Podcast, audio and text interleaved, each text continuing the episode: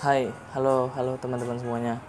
Eh, balik lagi di podcast Epigram, podcast yang ngebahas hal-hal absurd, hal-hal yang random, hal-hal yang nggak penting, yang mudah-mudahan teman-teman suka dan mudah-mudahan teman-teman mau mendengarkan.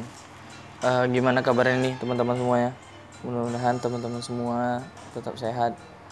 Untuk yang di rumah, tetap stay di rumah, eh, tetap jaga kesehatannya, tetap jaga kebersihannya untuk uh, teman-teman yang harus keluar yang harus berkegiatan di luar tetap juga jaga kesehatannya tetap jaga kebersihannya juga kita sama-sama berusaha untuk gimana caranya uh, kita kompak melawan virus ini dan semoga pandemi ini cepat berakhir supaya kita bisa ketemu lagi dan ngumpul lagi bareng teman-teman kita yang lain Oke teman-teman semuanya, hari ini kita bakal ngebahas uh, tema yaitu uh, hidup itu tentang perlawanan.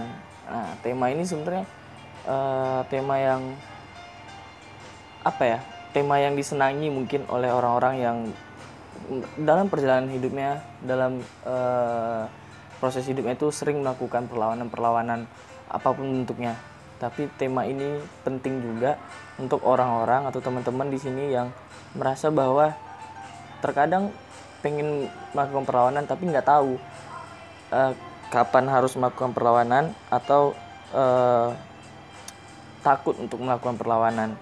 Nah, ini tema yang bakal kita bahas hari ini nih bisa jadi apa ya? Bisa jadi uh, kayak semacam pembenaran untuk orang-orang yang sering melakukan perlawanan atau bahkan menjadi sebuah penyemangat untuk orang-orang yang mungkin belum pernah atau tidak sadar pernah melakukan perlawanan tapi nggak tahu harus melakukannya itu gimana lagi gitu.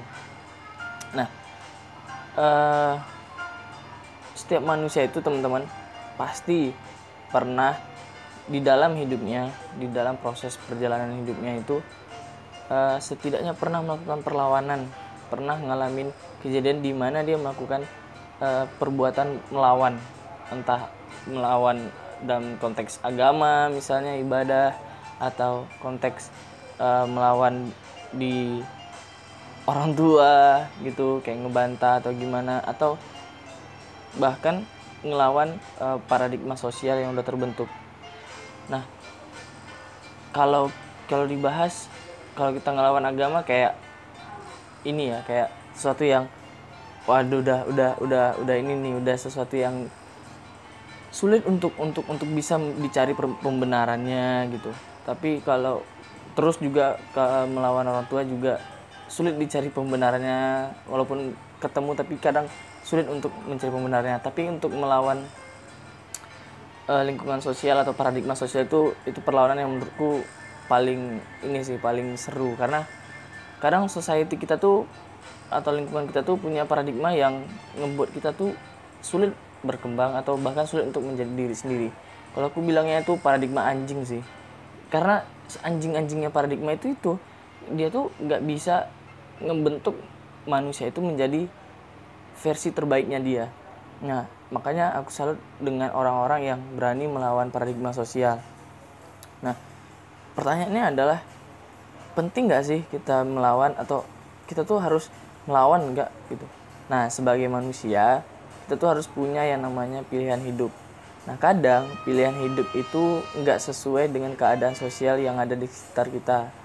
Um, untuk itu kita harus melakukan perlawanan. Contohnya nih, uh, ada orang yang punya tato, gitu. punya tato di mana dia uh, punya pilihan hidup bahwa toh aku punya tato nggak ngerugin orang lain, aku punya tato juga nggak pakai duit orang lain gitu, pakai duit dari keringat gitu.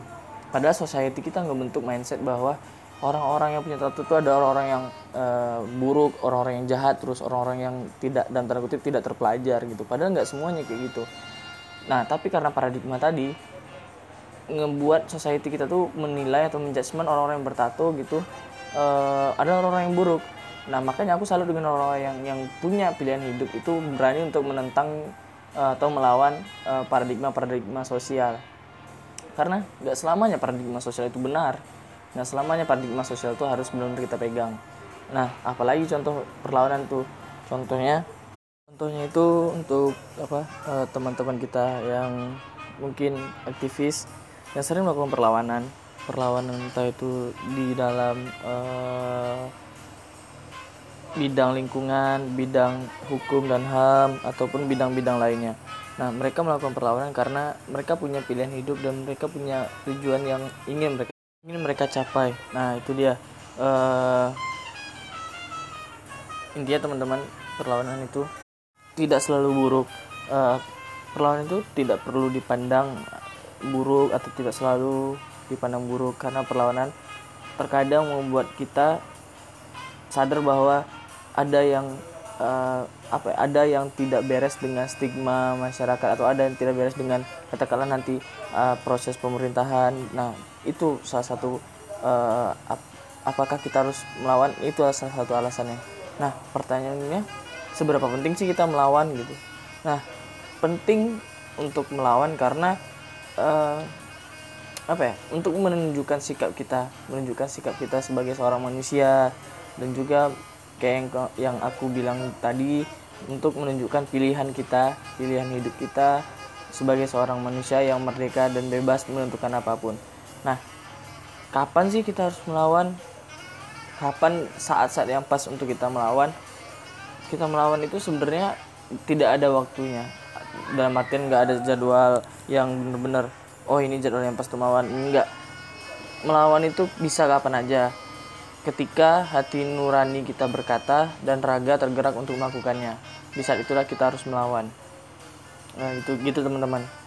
Intinya adalah perlawanan itu sesuatu yang harus dilakukan benar-benar harus kita lakukan karena di dalam hidup itu nggak bisa kita menerima keadaan mentah gitu aja.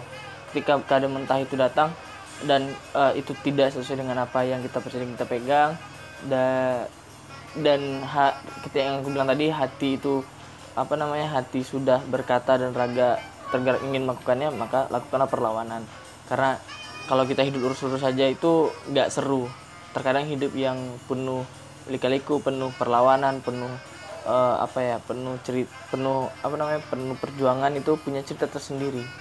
Makanya salah satu untuk jadi bahan kita menjadi dewasa salah satu bahan kita untuk diceritakan kembali ketika masa tua adalah bagaimana kita melawan.